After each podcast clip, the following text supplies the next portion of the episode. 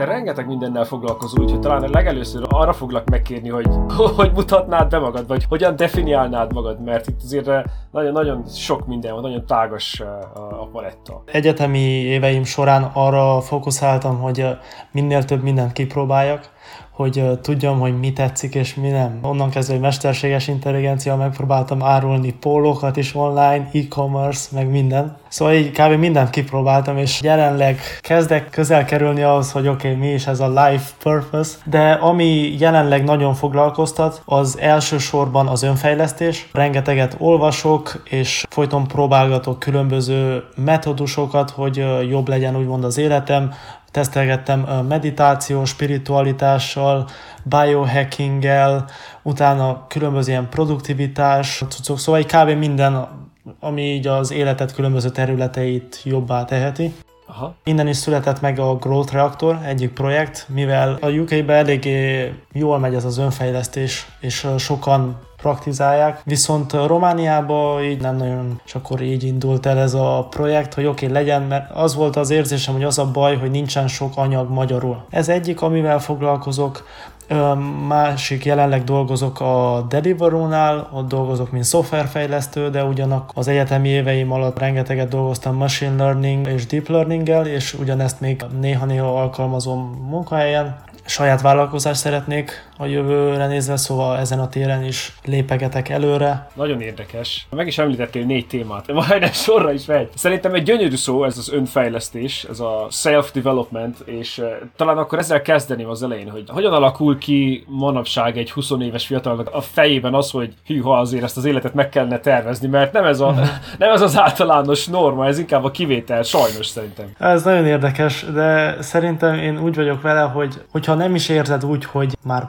profi lennél valamivel, vagy kezd el, de attól te még csak kezd el és csináld. Így volt nekem a könyvolvasással, hogy hát megtetszett pár könyv, nem tudtam, hogy merre visznek, de én csak olvastam, olvastam minél többet. És így, hogy mind vettem a könyveket cím után, nem volt egy pontos terv a fejemben, csak vettem, ó, vagány a címe ennek, valamit tanulhatok belőle, elolvastam. Kb. így kezdett el kialakulni az, hogy oké, és né, most már eddig, amit csináltam, az bulik, ezek nem fognak sokra vinni. Kialakult bennem ez, hogy oké, mégis itt az ideje, hogy valamit el kéne érni az életben. Minél hamarabb kezded el, annál jobb. Kb. így. Nekem úgy gondolom, hogy jól jött volna, hogyha 11. 12. osztályban valaki mondta volna, hogy né, olvas többet, léteznek ilyen könyvek, ami non-fikció, Hát én csak azt tudtam, hogy van ez a fikció, amik pál utcai fiúk, meg ilyesmi, csak az létezik.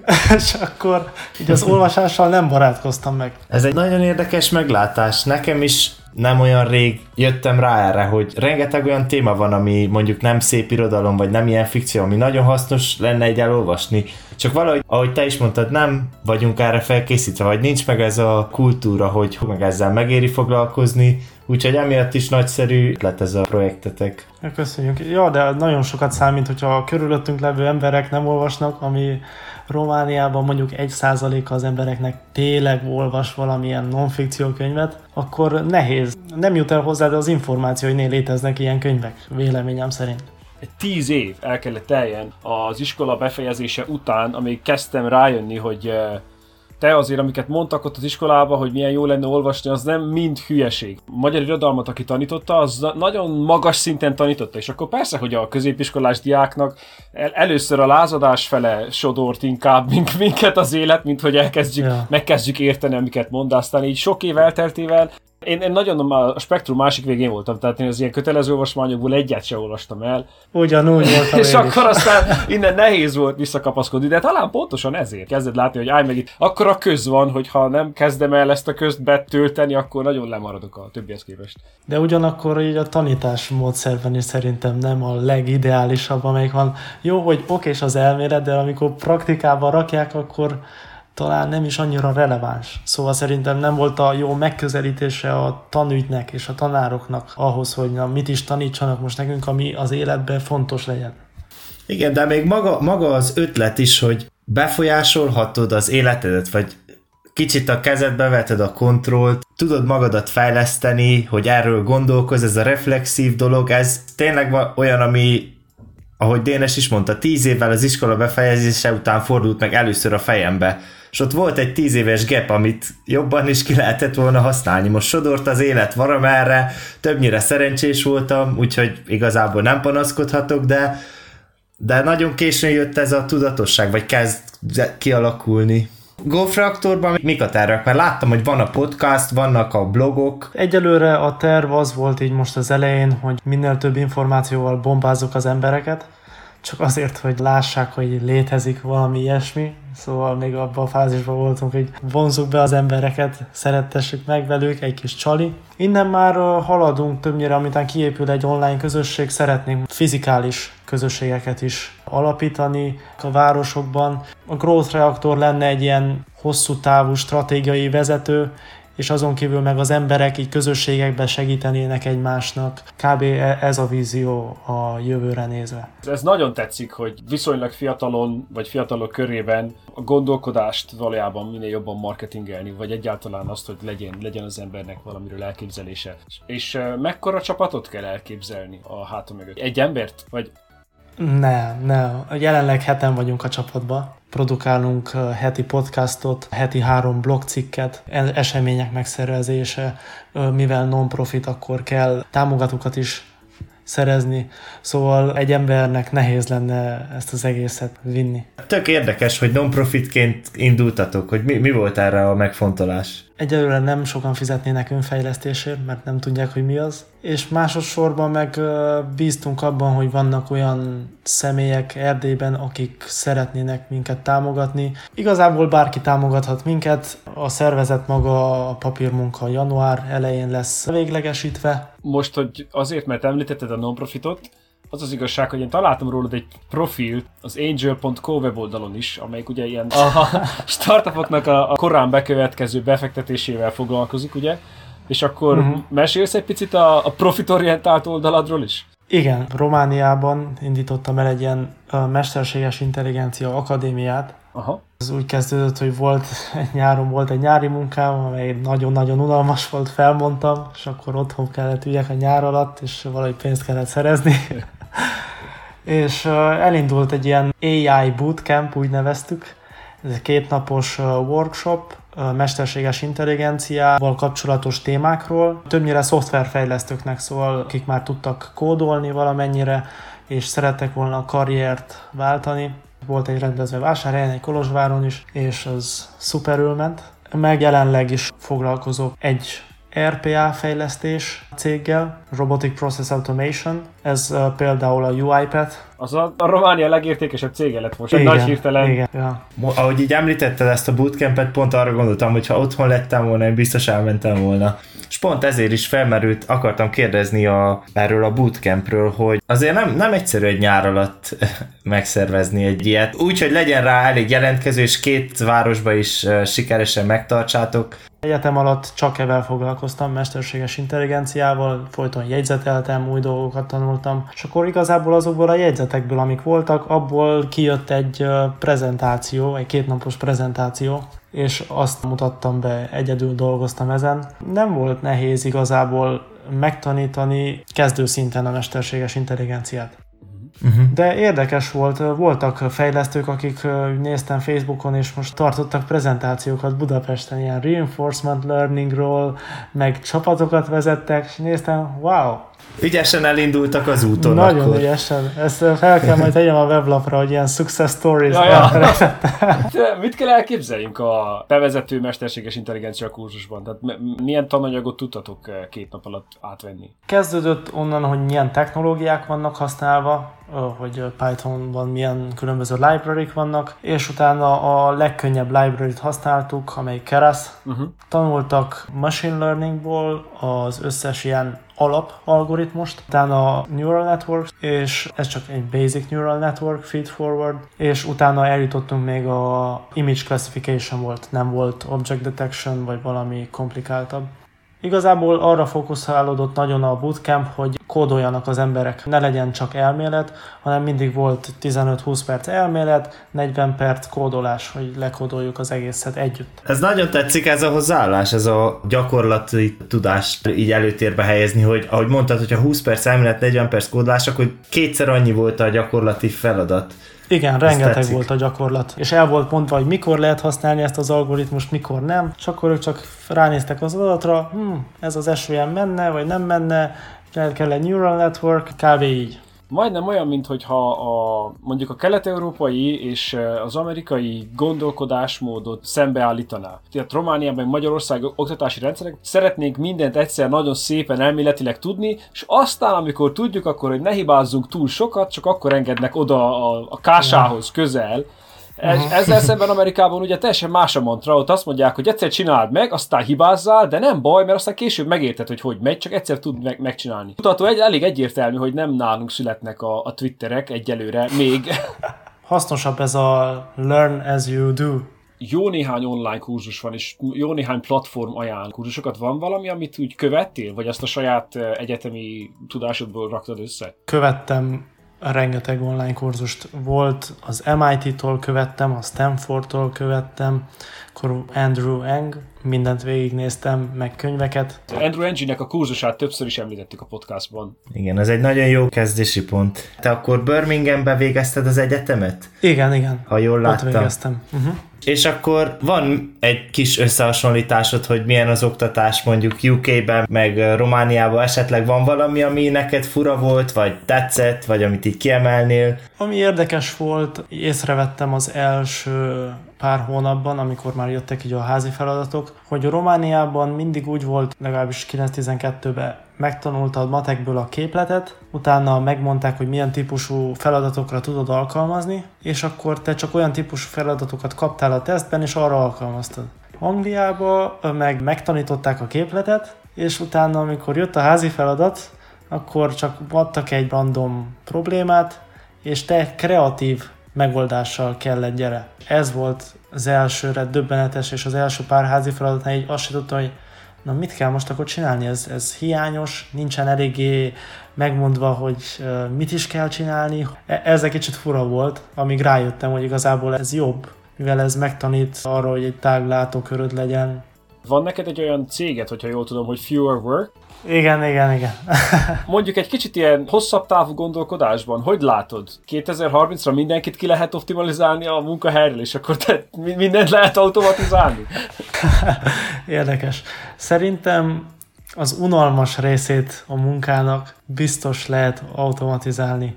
Épp voltam egy konferencián egy hónapja, és ott is erről volt szó, hogy kb. hogy nézhet neki a jövő a munkában. Nekem az a véleményem így a, egy fiatal szempontjából, hogy mi szeretünk sok dolgot kipróbálni, gyorsan unjuk magunkat, hogyha valami ismétlődő és ez az automatizálás, a mesterséges intelligencia szerintem csak hasznos, mivel így az unalmas és repetitív dolgokat ki fogja szedni a munkahelyről, és akkor lesz időnk stratégiázni, gondolkodni új, mondjuk marketing stratégiákon, vagy hogy vinni a bizniszt egy más szintre, hasznos lesz. Aztán, hogyha még komplexebb feladatokat tudnánk automatizálni, az még kérdéses. Ebben még nem vagyok meggyőződve, hogy például egy mesterséges intelligencia tudna döntéseket hozni, hogy a, egy vállalkozás milyen irányba haladjon. Ez úgy is fogja befolyásolni szerintem a társadalmat, hogy mindenkinek muszáj lesz tanulnia valamit, mivel sokan egy munkahelyen vannak, de oda úgy jutottak el, hogy 12 osztályt csak kijárták, és utána nem nagyon érdekelte őket, hogy tanuljanak valamit. Most nem azt mondom, hogy muszáj mindenkinek egyetemet járnia, viszont hogyha nem is jársz egyetemre, akkor is egy skillt nagyon el tud sajátítani, ami egyedi, és mondjuk nincs veszélyben az automatizálástól.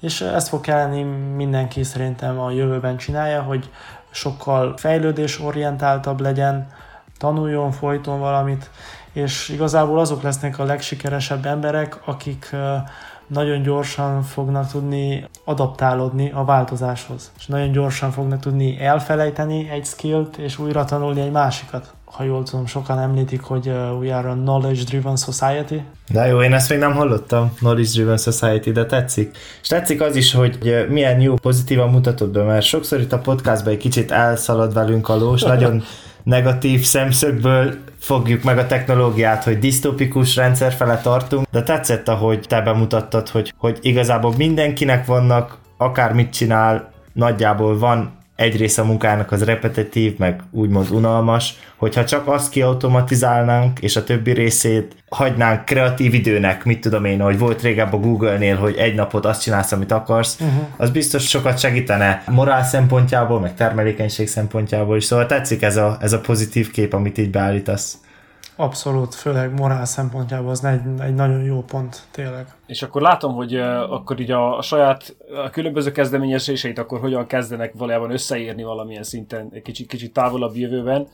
Mert akkor ugye, ha jól értem, akkor inkább azt mondod, hogy uh, különböző skilleket kell, vagy skill csoportokat kell fejleszteni, és akkor talán eltűnik ez a mondjuk így, mondjuk így a specializálódás, hogy most az egyetemen négy évig tanulunk valami nagyon hasonló dolgot, és akkor inkább ilyen egy, egy hónapig intenzíven tanulunk valami mást, és akkor jobban kell ugráljunk majd a különböző területek között? Hogy képzeljem ezt el? Ez egy nagyon jó pont. Hát szerintem így az egyetemnek a hatása már halványodásban van, úgymond. Már a diploma nem jelent olyan sokat, hogyha mondjuk azt szeretnél, hogy a saját vállalkozásod legyen. Igen, főleg, hogy a technológia mennyire gyorsan változik, példaképpen a marketing és a social media. Egyik nap a Facebook a legjobb, utána átjön, hogy megjelenik az Instagram, mindenki Instagramon van, most nagy a hype a TikTokkal, a marketerek meg folyton kell adaptálódjanak. Most már nem elég az, hogy mit tanultál meg régebb, hogy hogy legyen egy ilyen TV promo videód, vagy hogyan írj egy cikket az újságban, folyton kell valami újat tanulni, egy Instagram videó, vagy egy nagyon vicces TikTok videó, és e felé halad szerintem minden. De igazából ez a fiataloknak tetszik. Még gyorsabban tudnak adaptálódni ilyen dolgokhoz, még gyorsabban észreveszik, hogy oké, okay, mi is itt a helyzet, mit kell csinálni. Ugye ezek a skillek, ezek végül is egyre inkább határokon átívelők lesznek. Ugye most hárman beszélgetünk, egyikünk sincsen valójában az Erdély régióban, de arról beszélgetünk, így, így, így áttételesen, és akkor ez uh, hosszú távon hasznos lehet. A skillek akkor tényleg ilyen transferálhatók lesznek, és akkor megnő ezzel a mobilitás, vagy pontosan lecsökken a mobilitás azért, mert bárhonnan el tudjuk végezni azt a munkát. Te, mint kutató, szerintem már sokkal jobban tudod, és sokkal jobban tapasztalatod evel, hogy mennyire sokat számít, hogyha mondjuk te egy kutatásban bevonod mondjuk egy biológus nézőpontját, nem? Bevonod és együtt dolgoztok, akkor neked már egyből lesz egy más nézőpontod, mint az electrical engineering, és ki tudja, lehet kitaláltok egy új algoritmust, amely a természetből van inspirálódva, és applikáljátok engineeringbe, és működik. Ja. Szóval szerintem kb. esmi a skillekkel is, hogy mindig lehet egy skillt egy másik ágon applikálni, és láttam, hogy rengeteg vállalkozó, ilyen híres amerikai vállalkozó, mint például Elon Musk, ők folyton ezt mondják, hogy ha innoválni szeretnénk, akkor mindig egy más ágból hozzunk egy új nézőpontot, de nagyon tetszik, hogy akkor végül is egy, egy fiatalabb nézőpont az az, hogy nem, ez nagyon jó lesz, hogyha mindenki fog egy kicsit valamihez érteni, akkor a technológia valójában ezeknek az ötleteknek, az, az ilyen cross-fertilization, ez most egy nagyon ilyen hype szó, egymásnak az, az ötleteknek szuper. az öntözését fogja segíteni. Úgy nagyon tetszik, én nagyon azonosulni tudok vele. Igen, és ez például egy, egy probléma szerintem, ez egy kicsit, hogyha tudom kritizálni a, a szoftverfejlesztő közösséget, hogy nagyon sokan szuperül arra vannak fókuszálva, hogy én egy nagyon jó szoftverfejlesztő leszek, mélyre megyek a technológiákba, de at the end of the day a szoftvert azt mindig valami kézzelfoghatóra kell használni, valamilyen iparágba, és akkor nagyon értékesek az olyan emberek, akik valahonnan átjöttek, hogy nem tudom, pszichológusok voltak, vagy fizikusok voltak, és utána elkezdtek programozni, megtanultak egy technológiát, mert nekik vannak az ilyen nagyon jó meglátásaik, meg nagyon jó ötletik, szóval ez szerintem egy dolog, amire lehet a szoftverfejlesztők, vagy az én véleményem szerint, hogy látunk kicsit ilyen buborékba élnek a saját technológiáikba, de ez nagyon jó lenne még jobban összeköt más területekről jövő emberekkel, meg meglátásokkal. Tudnál nem mondani példát? Csak kíváncsi vagyok, hogy így milyen előrelépések voltak, hogyha jött valaki egy más ágból és megtanulta a szoftverfejlesztést. Ahol ezelőtt dolgoztam, röngen gépeknek a képalkotásával foglalkoztunk, meg annak a javításával, és volt egy csomó fizikus, aki nem kapott munkát fizikusként, viszont kaptak munkát szoftverfejlesztőként, és felvették őket a csapatba és nagyon jó meglátásaik voltak, hogy mégis merre fele kéne elvinni a terméket, vagy mi, mi a, mik a fontosabb paraméterek. Inkább ilyen requirement szempontból, nem konkrétan a szoftverfejlesztés szempontból, de nagyon sokat tudod dobni a csapaton egy-egy ilyen ember. Nagyon érdekes. Épp láttam, hogy a fizikusok mind a mellett, hogy így kérdésesnek tűnik, hogy elvégzed a fizikát, mit tudhatnál csinálni az iparágban, mert elég ritka így a munkahely.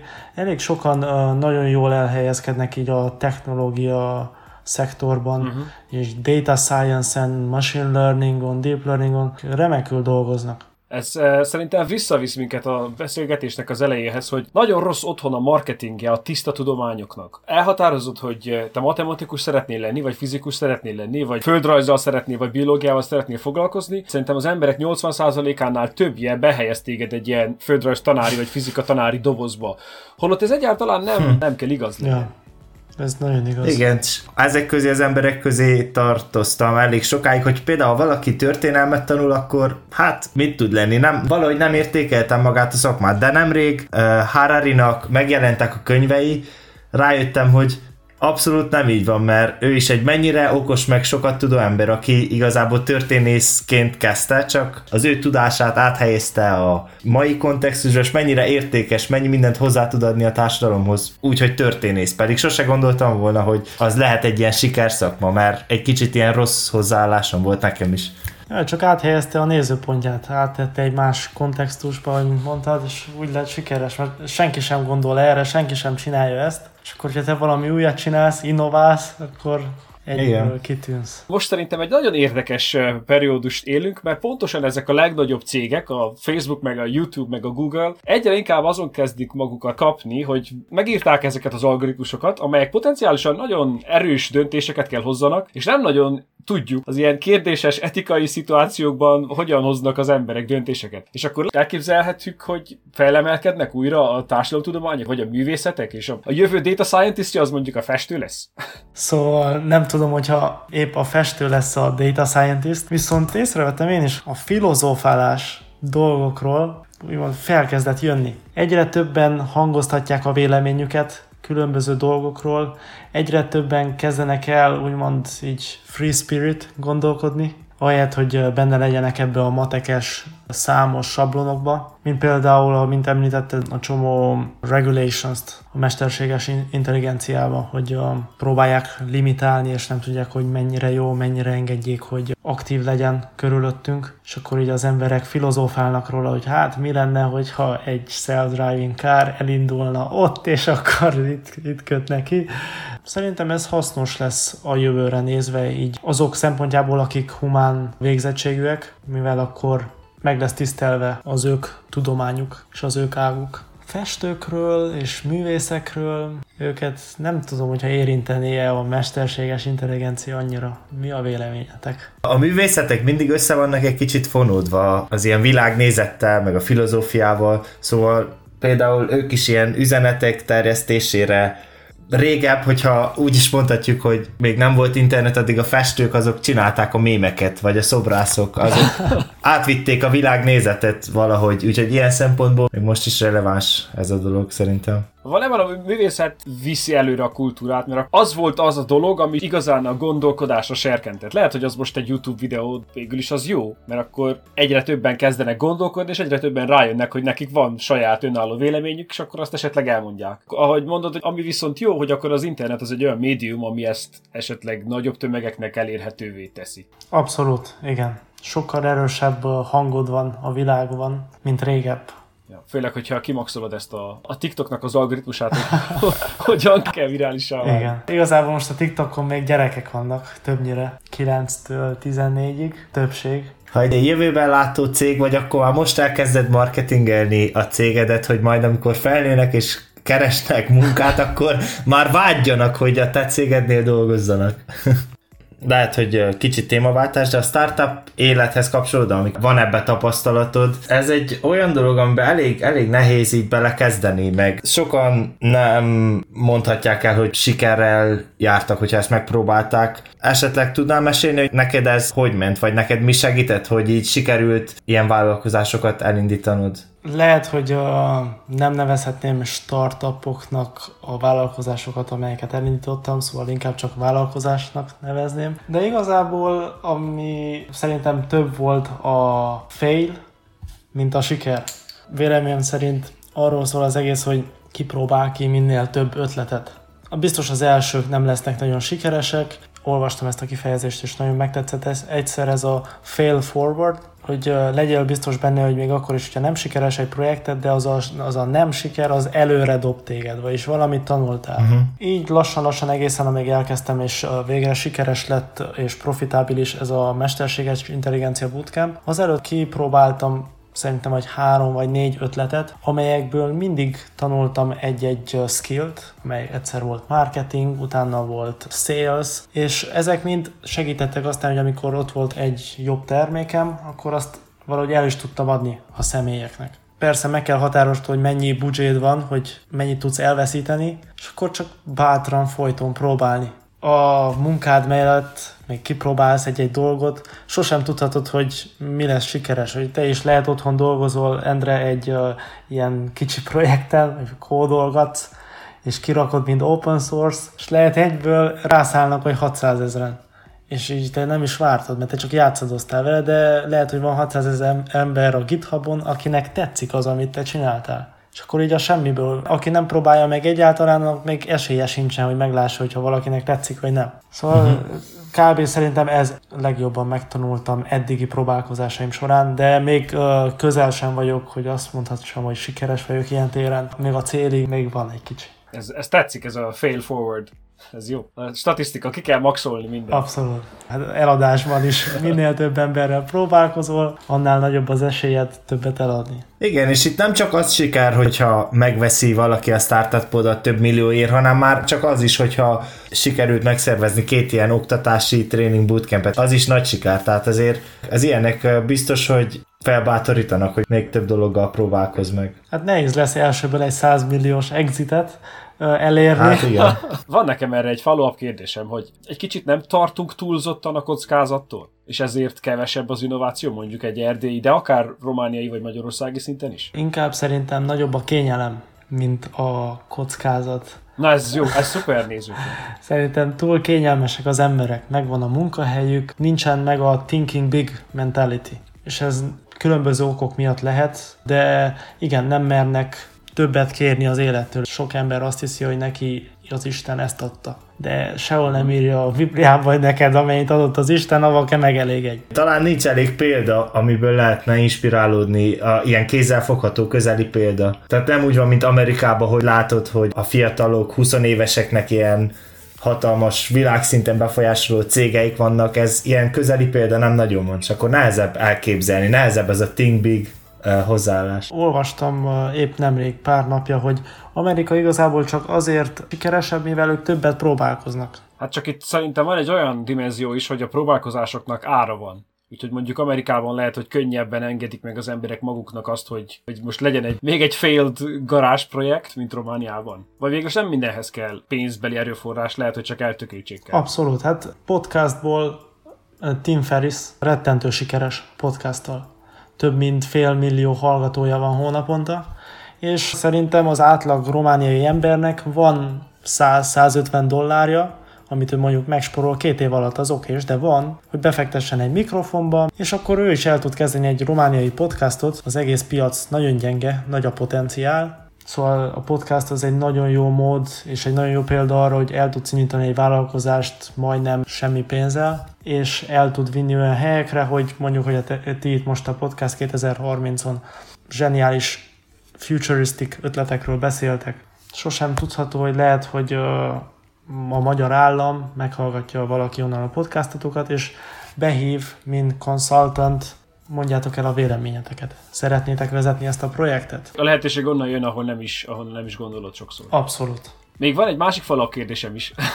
Machine meg van egy olyan, hogy Dreamer. A Dreamer az egy internship volt, ahol dolgoztam, azt nem én vezetem azt a céget, Manchesteri cég. És ez a Machine, ez egy romániai startup, amelyiknél dolgoztam, ott a leírásban is írja, hogy Visage Cloud, és ilyen computer vision megoldásokon dolgoznak, és eléggé sok termékük van, algoritmusuk, amelyet implementáltak és próbálnak együtt dolgozni a, a romániai állammal, hogy ilyen object detection-t vagy identity verification-t implementáljanak például a bankoknál, hogyha beküldesz egy selfit magadról, meg a, egy képet az útleveledről, akkor össze tudjuk hasonlítani a képeket, ezt szeretnék most Romániában is, és ez a cég dolgozik rajta, és segítettem nekik egy algoritmus kifejleszteni. Ezek szerint vannak cégek, meg munkalehetőségek Romániában is. Ezt hogy látod, vagy nézelődtél egyáltalán, hogy erdélyi romániai munkahelyeket? Nézelődtem, és igen, vannak érdekes lehetőségek, és és a fizetés sem rossz Romániához képest, de főként inkább Kolozsváron és Bukarestben. Igen, vannak érdekes pozíciók, és ők csak külföldi cégeknek dolgoznak, Szóval érdekes projekteken dolgoznak biztos, és jó pozíciók vannak. Startup téren ja, nem annyira wow, még néha még abszurd valuationokat és befektetéseket kérnek. Ilyen early stage-en valuation 1 millió, és még nincsen egy customerük sem. Olyan szinten még nem eléggé kifejlettek szerintem a vállalkozók. Megnéztek eh, két Shark Tank részt is. Igen. Elhiszik azt. Valami olyasmi. Igen. Viszont erre még csak annyit ide hozzáfűznék, hogy ennek az outsourcingnak mindig egy kicsit ilyen negatív kicseringése van, hogy Romániában az outsourcingba jó, hogy az outsourcing az nagy cégeknek a nem érdekes projektjei, vagy az ilyen kicsit ilyen rabszolga munka. Talán ez a kép él így az emberekbe is, így a tech szektorban pedig talán ez nem igaz most már, vagy tényleg vannak ilyen innovatív projektek, meg gépi tanulás projektek is. Igen, igen, abszolút merre terveztek haladni evel a podcasttal, Podcast 2030, és uh, miért is csináljátok ezt? Jó kérdés. Jó kérdés. Azért, amit te is mondtál az elején, hogy túl sok a szabadidőnk, meg hogy csináljunk valamit. Van egy ilyen dimenzió mindenképp. Uh-huh. Hát meg van az is, hogy, hogy sokszor, amikor így összegyűltünk élőben, mit tudom én, karácsonykor, vagy valahol találkoztunk, akkor mindig elkezdtünk beszélgetni, és mindig előjöttek ilyen nagyon érdekes témák így, hogy uh-huh. mindenkinek elég érdekes véleményei szoktak lenni erről, és akkor innen is jött, hogy ez lehet, hogy érdekelne másokat is, meg nekünk is jobb így, hogyha megbeszéljük előre, hogy bizonyos témáknak utána olvassunk, és egy kicsit így beszéljük meg, tehát ez is volt az egyik yeah. Nekem személyesen az egyik uh, nagy fájó pontom az az volt, hogy uh, a professzionális életem nagy részét ezt angol nyelvű közegbe töltöttem, és akkor amikor valakinek el kell mesélni arról, hogy például mivel foglalkozom, vagy egy komolyabb témához hozzá kell szólni, akkor először mindig az angol kifejezések jutnak eszembe, és akkor a, ezáltal az aktív irányzott beszélgetés úgy érzem, hogy nagyon használ abból a szempontból, hogy hogyan lehet magyarul kifejezően valamilyen szinten beszélni. Meg ahogy mondja Endre is, nekem nagyon sokat segít személyesen abban, hogy ha van egy probléma, és hogyha mondjuk van egy órád, akkor hogyan készítesz egy gondolkodást arról, hogy most erről a problémáról mi a fontos, mit kell elképzelni? Ismersz még más erdélyi podcastokat? Én most már ismerek kettőt. Podcast 2030 és Growth Reactor Podcast. nagyon köszönöm az idődet, szerintem nagyon-nagyon szuper volt. Én is nagyon szépen köszönöm a meghívást, és remek volt a beszélgetés. Köszi ahogy... szépen, és sok sikert a Growth Reactorra. Köszönjük szépen, nektek is sok sikert a podcasttal. Jó fele haladunk, hogyha így már van pár személy, aki Erdélyen próbál változtatni.